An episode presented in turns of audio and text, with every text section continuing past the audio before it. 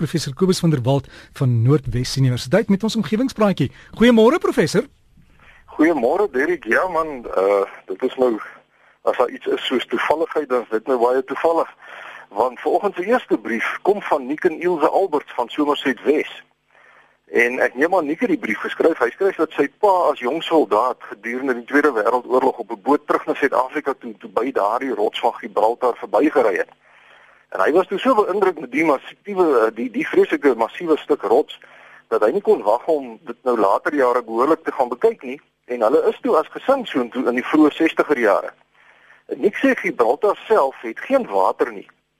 En omdat die inwoners water vanuit Spanje het iemand met die plan toe vorendag gekom om die agterkant van die rots nou heeltemal uh, met sement te besmeer en allerlei afloopkanaaltjies en goeters te bou sodat alle water wat op die rots val, soos nou reën of dou of enigiets, dan afgelei word na 'n reservoir met 'n watersuiweringsaanleg en hierdie stelsel dra nou baie by tot die volhoubaarheid van die watersituasie in Gibraltar. En hy sê hy dink dat dit sekerlik nogal duur is om so so 'n stelsel te bou, maar ons het uh, hier in Suid-Afrika waarskynlik hier en daar langs die kus of selfs in die binneland 'n berg of twee wat op soortgelyke wyse dan nou uh, bebou kan word as mense dit so kan stel om water aan mense te voorsien. Nou ek gaan hier in Ilse se brief op hierdie punt gou eers onderbreek en net hieroor gesels want ek wil graag vertel van navorsing wat professor Jana Olivier van Unisa reeds in die 90er jare uh, van die vorige eeu gedoen het oor hoe om die water wat in mistige toestande voorkom op te vang. Nou die tegniek staan in Engels bekend as fog harvesting En dit is uitstekend geskik vir areas waar daar gereeld mistige toestande voorkom.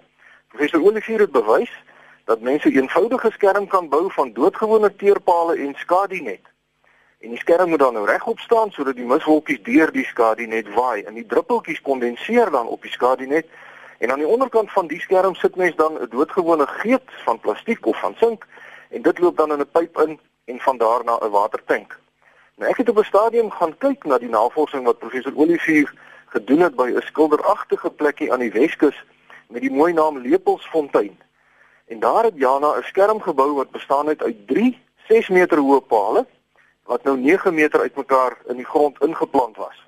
En sy het toestaalkabels tussen die pale gespan en 40% skadinet aan die kabels vasgemaak sodat die totale oppervlak van die skerm 72 vierkante meter was. En die gemiddelde volume water wat op hierdie wyse uit die miswolke geoes is, was 288 liter water per dag. Maar dis nou die gemiddeld. Gedurende tye wat dit nou uitermate mistig was en die mis baie dik was, het so 'n enkele skerm tot 3800 liter water, heerlike vars, suiwer water per dag gelewer. Nou Nick en Ilse Albert van Somerset Wes se aanvoeling dat die stelsel wat hulle in Gibraltar gesien het ook in Suid-Afrika moet kan werk, is daarom 100% in die kol as ons nou hierdie ehm um, oes van die water uit mistige toestande van professor Olivier hier aanwend. Nou eh, 'n uh, ander omgewingsvriend meneer Ruy van der Berg het juis oor hierdie onderwerp vir my 'n brief geskryf. Dit lyk my hy wil dit begin doen want hy het gevra of ek dalk weet waar hy en soos hy dit nou genoem het, fog harvesting mesh in die hande kan kry. En die antwoord is dat mens doodgewone skadinet kan gebruik 30% of 40% skadinet om so 'n skerm te bou. En as daar nou mense is wat hierin belangstel, kan u gerus 'n internet soektog doen, tik net die woorde uh, Jana Olivier fog harvesting in Google in en u sal op baie inligting afkom oor hoe om u eie skerm te bou om water uit miswolke te kan oes. En ek het ook een van die skakels uh, na so 'n voorbeeld op omgewingspraatjies se Facebookblad geplaas. Maar nou goed terug by Nick en Ilse Albert se brief. Hulle skryf verder dat hulle 2 jaar gelede ingetrek het by 'n aftreeoord in Somerset Wes. Hulle sê hulle het wel songeisers in die oord, maar daar is nou geen tanks wat die reënwater van die dakke af opvang nie.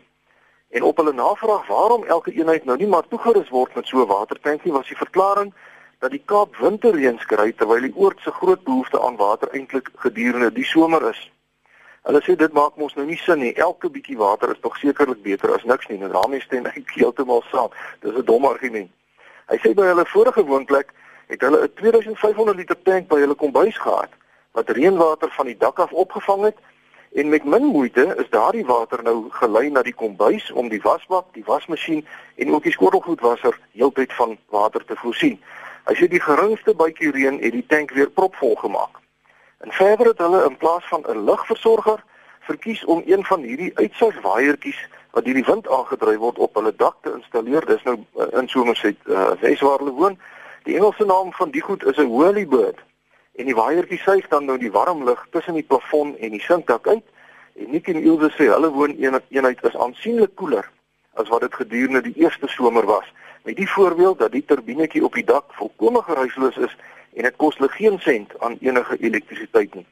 Baie dankie aan meneer en mevrou Nick en Ilse Albert van Somerset Wes vir u lekker brief en die wenke om meer volhoubaar te kan leef. Uh maar hulle het nou genoem dat hulle wooneenheid met 'n songeyser toegerus is. En in hierdie verband het ek 'n volgende brief ontvang van meneer Heimou van Wyk wat 'n waarskuwing rig dat mense tog asseblief moet seker maak dat jou dak se struktuur sterk genoeg is voordat jy 'n songeyser installeer of laat installeer. 'n Mens vergeet maklik dat elke liter water omtrent 'n kilogram weeg. So as jy nou 'n 300 liter eenheid op jou dak installeer, dan is die totale gewig wat jy nou bo op jou dak neersit in die orde van 5 tot 600 kg. So maak maar asseblief baie seker dat die installeerder eers jou dak se struktuur versterk voordat hy die songeyser begin installeer. En dan het ek volgens 'n laaste brief kom van Rona Greef van Pretoria. En sy vra wat dink ek nou van die advertensies van apparate wat drinkwater uit die lug kondenseer. Sy sê dit lyk nie juis of hierdie masjiene groot aftrek vind by mense en stadsrade nie, want sy noem Brits as voorbeeld by Brits word water aangery en sy dink dat hierdie masjiene tog sekerlik goedkoper sal moet wees oor die langtermyn uh, as om nou water aan te ry na mense toe nou wonder sy of daar dalk 'n ander verborgde nadeel is aan hierdie tipe apparaat. Baie dankie vir die vraag mevrou Rona Greef van Pretoria. Uh en daar's natuurlik nou verskillende soorte van hierdie masjienkies. Ehm um, die wat nou die lae tegnologie is wat bloot deur die son se hitte aangedryf word En dan is daar die hoë tegnologie uh, tegnologie masjiene wat nou uh, met elektrisiteit werk. Nou die hoë tegnologie goed is bloot nie koste-effektief nie. Ek het 'n bietjie op die internet gekyk en 'n masjien wat slegs 300, uh, ekskuus tog 23 liter water per dag kan lewer, kos in die orde van R24000. So dit is uh, nie uh op groot skaal enigstens koste-effektief in ons land nie. Maar die masjienkies, uh, dis eintlik maar net 'n tipe tankie wat nou deur die uh, son se warmte uh, warm gemaak word sodat die water uh, bietjie verdamp en dan kondenseer dit weer onder en op dië manier word die word die vog in die lug dan nou eintlik geoes. Dit lyk vir my wel asof dit kan werk as dit op groot skaal dan nou versprei word onder ons mense. En daarmee sluit ek nou af vir oggend skryf gerus vir my by kobus.vanderwalt by nwu.ac.za of jy kan kyk na omgewingspraatjies se Facebookblad. 'n Baie geseënde Paasfees, uh, Paasfees vir al ons Christene en vriendelike groete tot 'n volgende keer.